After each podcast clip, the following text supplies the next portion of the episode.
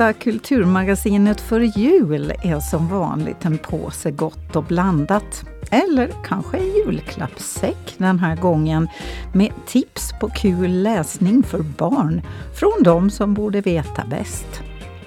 Det handlar också om klinkbyggt världsarv, udda traditioner, Lucia-smycken, nya böcker och mycket, mycket mer. Jag heter Tua Åström. Men vi börjar med upptäckten av en undervattensstöld. För i slutet av hösten märkte en av Ålands lokala dykare att kompassen på vraket av Plus var försvunnen. Nu har stiftelsen Ålands sjöfartsmuseum polisanmält stölden. Hanna Hagmark. Det är en kompass som alltså då kommer från vraket Plus. Eh, så det är från vraket det har blivit stulet. Vi fick reda på det för, för ett litet kort tag sedan och så har vi funderat på hur vi ska hantera det och kom fram till att det enda vi kan göra egentligen är att göra en polisanmälan för stöld. Så det är ju så att det är Stiftelsen Norrlands sjöfartsmuseum som äger vraket. Så när man går ner där och dyker så är det ju som ett besök på Sjöfartsmuseet på sätt och vis. Och, och de föremål som finns där och hela fartyget tillhör oss. Så tar man någonting därifrån så, så är det ju våra grejer så att säga. Förutom att det då förstås är fullständigt oetiskt att, att ta någonting från ett vrak. Det ska man ju inte göra. Har ni i och med det någon koll på vem det kan ha varit som har, har dykt ner dit?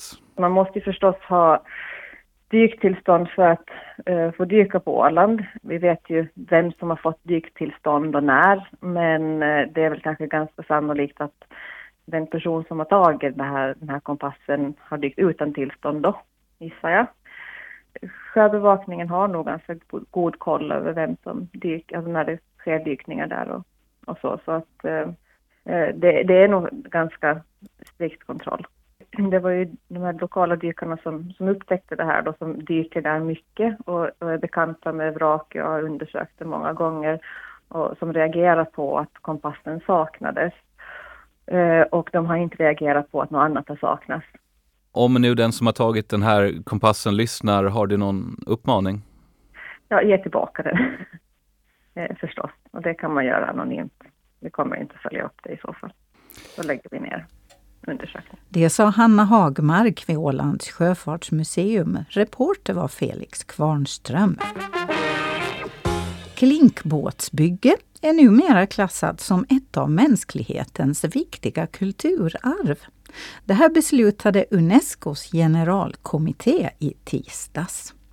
I eh, tisdags beslutade Unescos generalkommitté att nordisk klinkbåtstradition skrivs in på den eh, representativa listan över mänsklighetens immateriella kulturarv.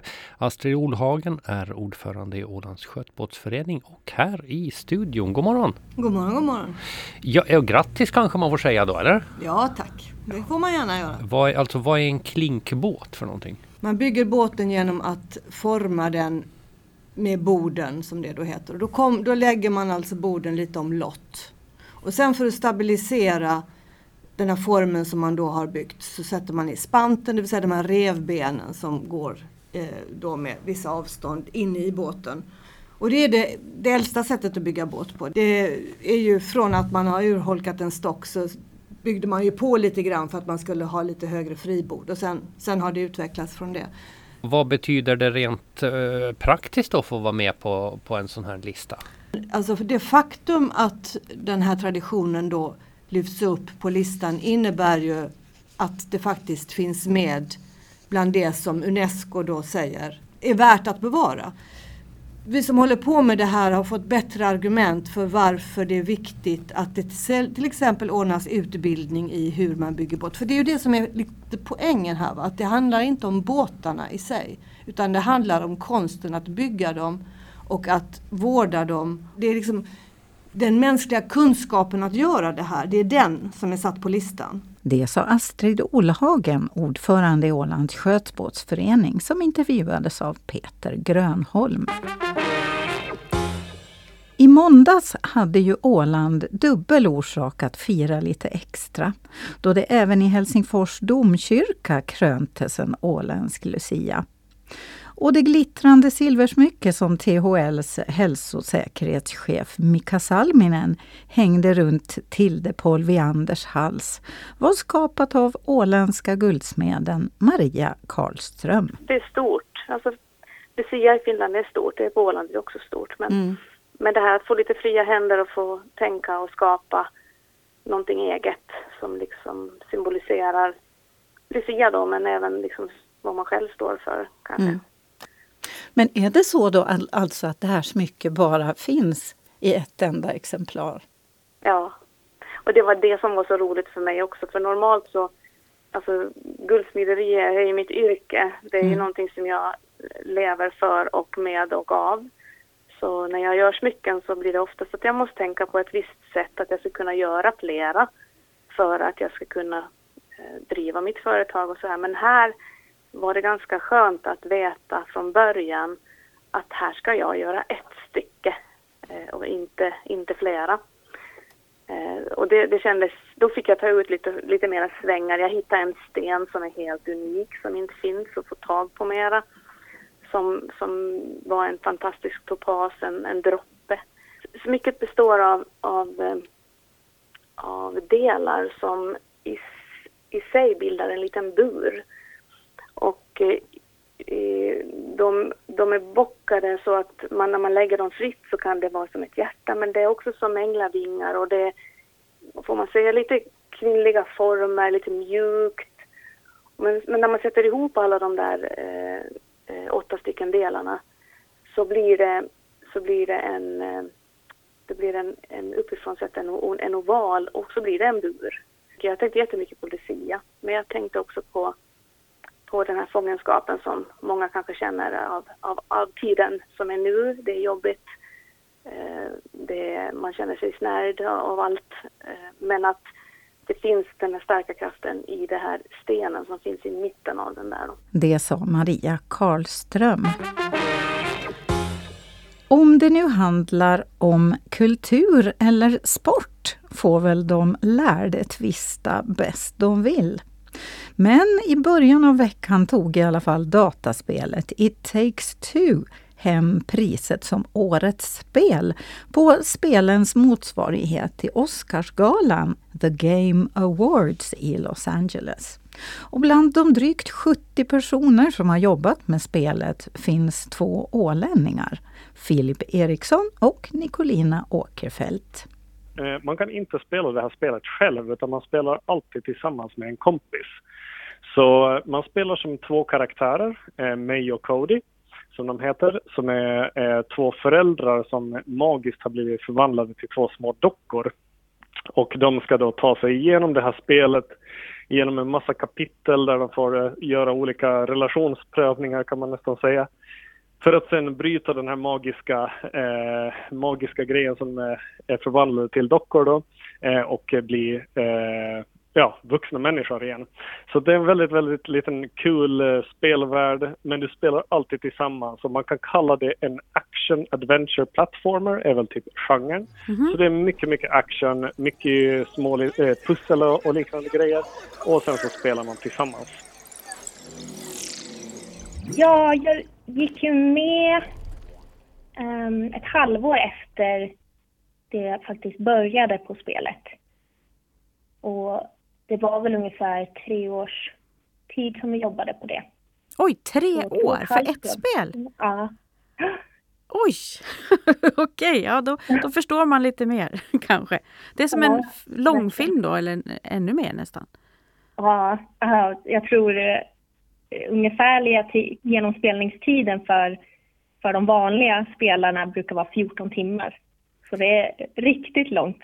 Aha, så då kan man säga en 14 timmars film då som ni jobbar med ungefär? Ja, men sen är det ju väldigt mycket spelande mellan eh, de mer filmscenerna som är med. Men allting är, är ju egentligen en del av berättelsen.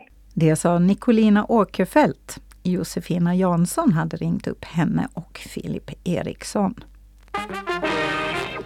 Om en dryg månad, den 22 januari, är det urpremiär för musikalen Ålandskungen på Alandikas stora scen. Och det sägs vara den sanna berättelsen om Ålands självstyrelses födelse och ungdom. Pamparna i Helsingfors, det kan ni knappast mena. Då är er fräckhet och er dumhet relativt obscena.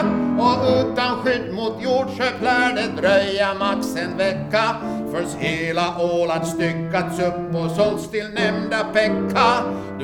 Det är ju en ära för mig att få spela Fanny Sundström eftersom hon var Ålands första landstingskvinna. Eh, så det, det känns jätteroligt och sen är jag ju väldigt svag för Arn Henrik så när han kommer och frågar om jag vill spela med i någon pjäs som han regisserar så säger jag ju oftast jo.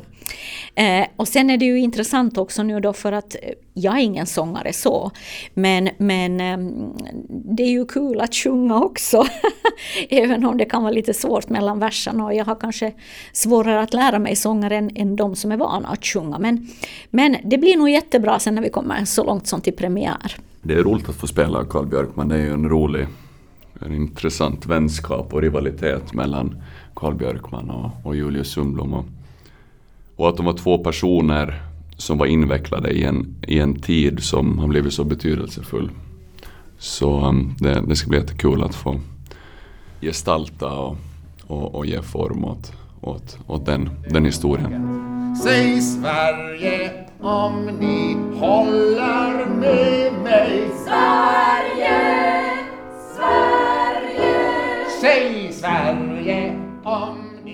vi hörde två av skådespelarna i Ålandskungen, Maria Johans och Jon Henriksen där. För regin står Arn-Henrik Blomqvist. Även i år har ett 50-tal nya åländska böcker och publikationer sett dagens ljus. Pernilla Lindros Leva är att dö en smula är en av de senaste som släppts. Ska man riktigt komprimera den så handlar det väl mycket om det här med att fly från någonting och hur, hur, om det alls är möjligt att fly från det som har hänt eller den man är, skulle jag säga. Eh, jag förstår det som att, att den här boken inte är liksom en, vad ska vi säga, en klassisk feelgood-roman.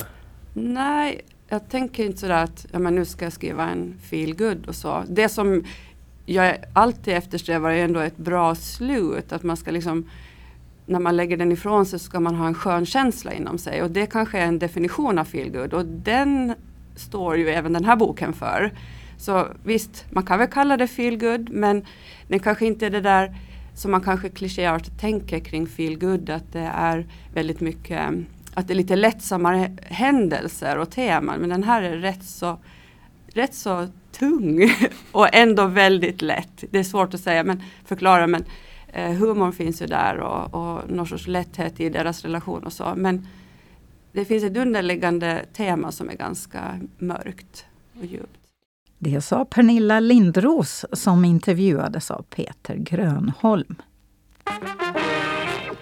En helt annan typ av läsning är publikationen Åländsk odling vars 72 årgång i veckan presenterades. I årets upplaga handlar det bland annat om när kriget kom till byn, arkitekt Einar Rudskogs resor på Åland och historien om hur pälsnäringen kom till Åland. Redaktören Staffan Bejar berättar mer om vad boken innehåller. Det är konsthistoria, det är byggnadshistoria, det är krigshistoria, det är näringslivshistoria. Det finns många sådana kopplingar däremellan också. Att det handlar mycket om det åländska samhället under de senaste hundra åren och också om liksom hur den här åländskheten har, har skapats och byggts fram. Jag heter Jenny Lavonius och min artikel heter eh, Finlandssvenska Marta-förbunds och minoritetsnationens kvinnliga samhällsmedborgare. Eh, den är löst baserad på min masteruppsats i historia vid Umeå universitet och eh, den har egentligen två huvudteman. Det första berör konstruktionen av den kvinnliga samhällsmedborgaren under 30-tal. Eh, och sen så rör den andra delen konstruktionen av den minoritetsnationalistiska åländska identiteten under samma tidsperiod. Johan Häggblom heter jag. Jag har skrivit en eh, artikel på temat byggnadshistoria som handlar om den rikssvenska arkitekten Einar Rudskog som eh, vistades här på Åland eh, under åren 1923 till 1924 då han på uppdrag av Ålands ungdomsförbund inventerade och undersökte den åländska allmogebebyggelsen. Så han var runt till de olika byarna i, runt om på Åland och fotograferade och tecknade av äldre åländska byggnader, bondgårdar. Ja, Olle Sjösson heter jag, historiker till yrket. Det här artikeln i, i den nu aktuella Åländsk odling så helt annat. Det är om en finsk soldat som heter Valfrid Kajala. Han var chef från Nådendal och det året var 1919. Vi hade ju finsk militär här då, de där åren. Och Ålandsfrågan pågick. Han ingick i Björneborgs regemente som var stationerat på Åland och han äh, var musiker. Han, han eh, eller musikkåren spelade flitigt på Åland och bland annat fungerade som husband på SOSIS, Societetshuset där. Men han, äh, hela sommaren 1919 nästan så var de där lördagar och söndagar och spelade. Och vad jag kan förstå så var det mycket populärt och de spelade också på andra tillställningar, bland annat i stadens kyrka och så vidare och eh, var mycket uppskattade. Sist där Olle Sjöstrand. Vi hörde också Jenny Lavonius och Johan Häggblom och redaktören Staffan Bejar. Och vi ska fortsätta rota lite i historien. För på Föglö kan man fortfarande natten mellan juldagen och annandag jul bli utsatt för en form av julhyss. Julknipa heter det och är en tradition med rötter långt bak i katolicismen. Eftermiddag bjöd in Holger Sundblom från Föglö hembygdsförening. Det var ju som sagt var för att, för att tjänstefolk och under, underlydande skulle liksom få driva lite med härskaperna mm. från, från gamla världen då för att för, för, som en säkerhetsventil eftersom de då hade väl ingen, en, piga och en dräng hade väl i stort sett bara skyldigheter och inga rättigheter. Så det var ju väl hus, husbonden hade ju till och med rättighet att aga sina, mm. sina, sitt husfolk som det hette. Så, mm. så, men, men, den här gången på året då så. Eller den, en, jo. Men hur kommer det sig då att det, att det ändå lev, att det fortfarande egentligen lite grann lever kvar just på Fögle? Ja, vi är väl så efterblivna och gammalmodiga där så det, det, är, väl, det är väl därför. Det, ju, kallas ju, det kallas väl reliktområden just sådana här. Ja, ja. Där, där sådana här gamla sed, sedvänjor. Ja. Man sjöng ju till och med Staffan då ännu för ett antal år sedan där som, som väl var en sån där en sån där gammal sed då som just pigor och drängar, ungdomar och tjänstefolk hade möjlighet då med det Staffans sjungningen så gick man från gård till gård och sjöng då och samlade ihop mat och brännvin för, för att kunna hålla en fest. För inte hade ju, inte hade ju obesuttet folk eller sådana här ungdomar, inte hade ju de några resurser till, till ställ till med något kalas då inte. Men att, och, och därifrån kommer den här Saffans sjungningen. Och kanske det var Kanske det var några år in på, in på 2000 eventuellt. Där jag, var, jag var inte med i det där gänget ja, så, jag, så jag är inte riktigt säker på åren. Men, men, men, att i alla fall de, de sysslar ju, to, återupptog det där ett schack då så höll man nog på med det där. Mm. Men det, alltså det låter ju, det här är ju sådana saker som ändå låter väldigt eh, trevliga. Även om, jag menar okej, okay, en julknipa, men det går ju att göra lite snällare julknipor också. Men, men det här är ju saker som, som på något vis man kunde tänka att men det här, det, här, det här borde ju fortfarande pågå. Varför, varför har det dött ut? Eller varför håller det på att dö ut det här tror du? Ja, alla sitter väl hemma och knapprar med sina datorer så de har och, och, och, är på face, och är på face, skäller på varandra på Facebook ja, och sådär och får utlopp för sina aggressioner där kanske. Ja. Det sa Holger Sundblom. Och på tal om jul ska vi nu kanske få lite tips på vad som kan passa under granen för de allra yngsta bokslukarna. Och vad passar väl bättre då än att låta dem själva recensera? Jag gav en kasse finlandssvenska barnböcker som kommit ut nu under året till mamma Malin, sjuåriga Ellie och fyraåringen Abbe för att de skulle få välja ut sina favoriter.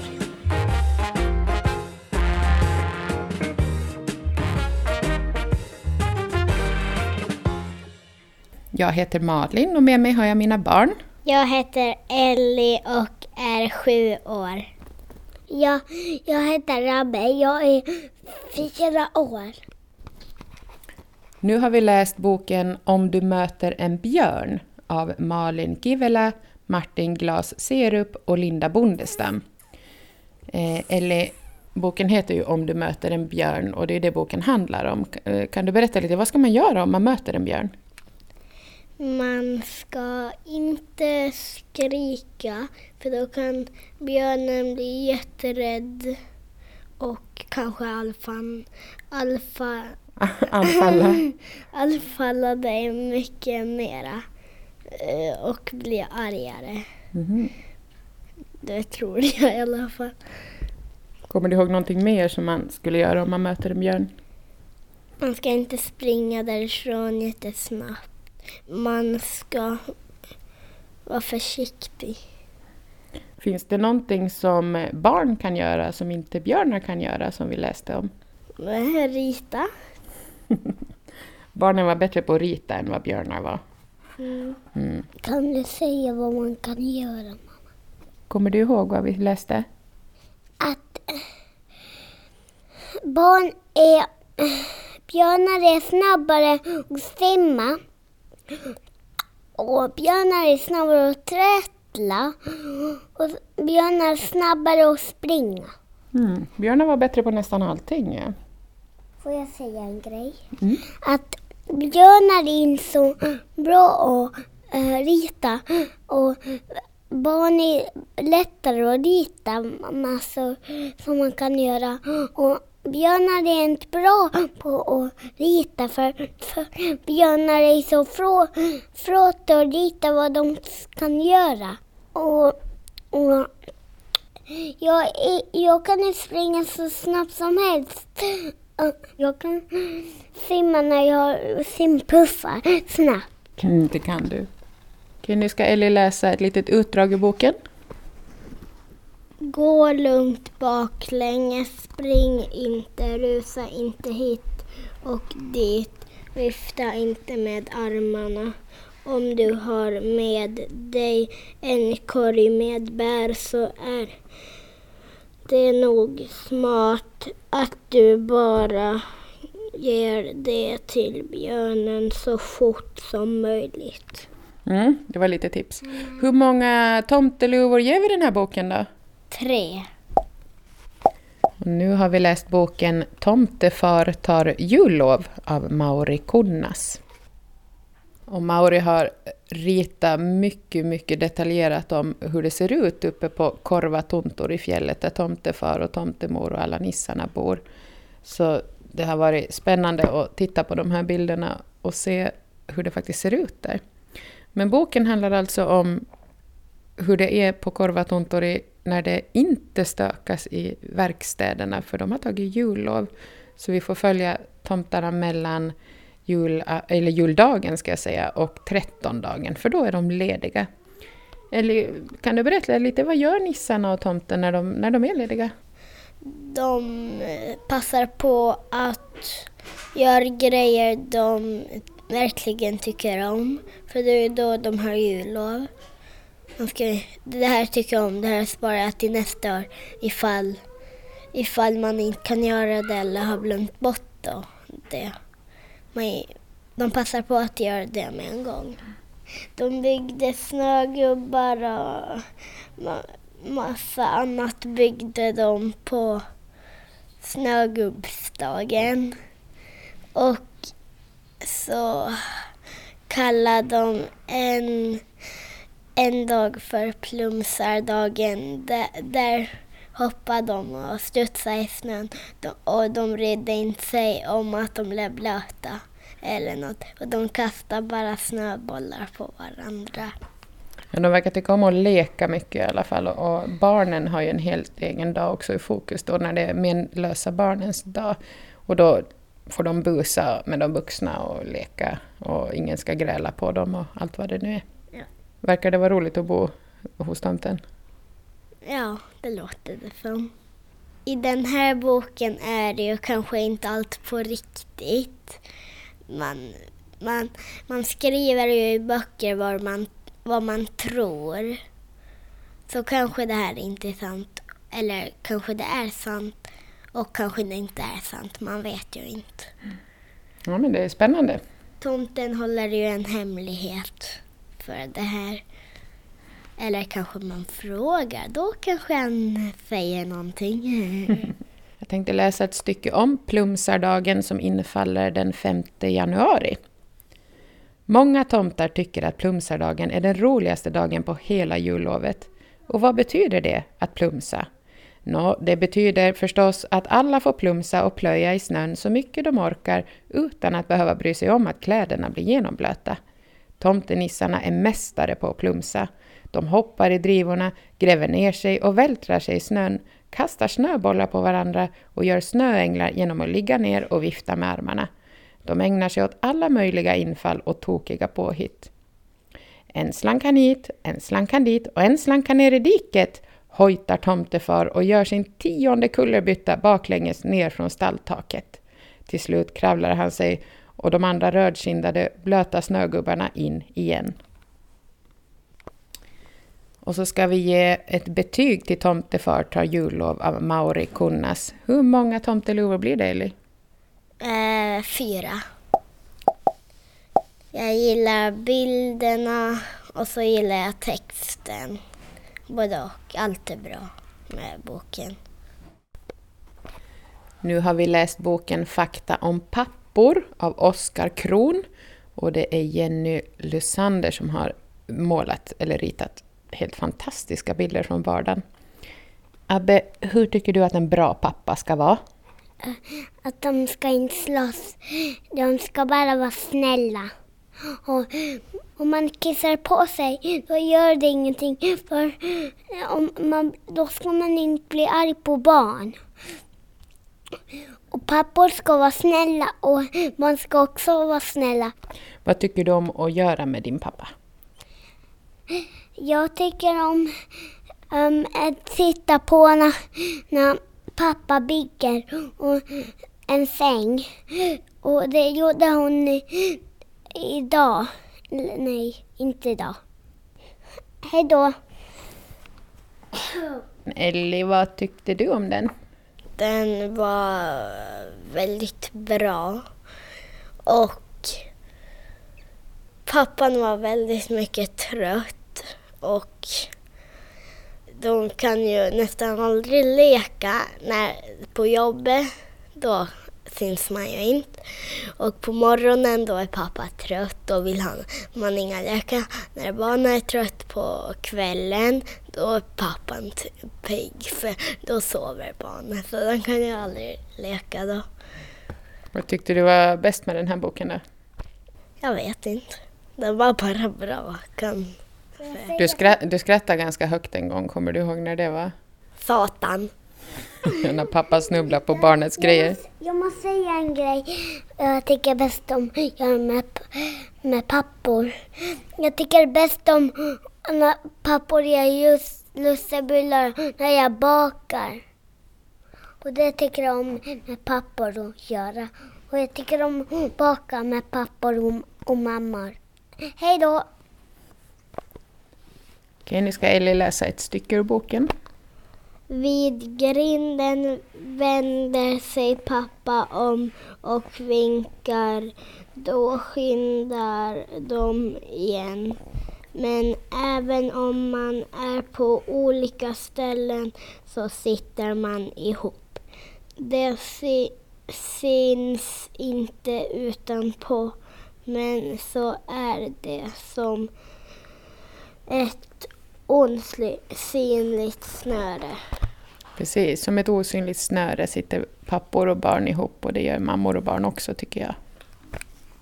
Och vad för betyg får fakta om pappor? Ehm, tre. Tre tomteluvor. Ja. Tre tomteluvor sist därför boken Fakta om pappor av Oskar Kron med illustrationer av Jenny Lysander. De andra böckerna som Abbe och Ellie gillade var Runeberg Junior nominerade Om du möter en björn av Malin Kivela och Martin Glass Serup. Och sist men inte minst Mauri Kunnas Tomtefar tar jullov som fick bästa betyget, fyra tomteluvor. Kanske ett tips till tomten. Ja, hörni, nu är det slut för i år. Nu tar Kulturmagasinet jullov också. Men som vanligt är det ju ett fullsmockat nyårsprogram på kommande med en kulturpanel som reflekterar över det gångna året, bland annat. Men det är inte nu det. Nu önskar jag er först och främst en riktigt god jul.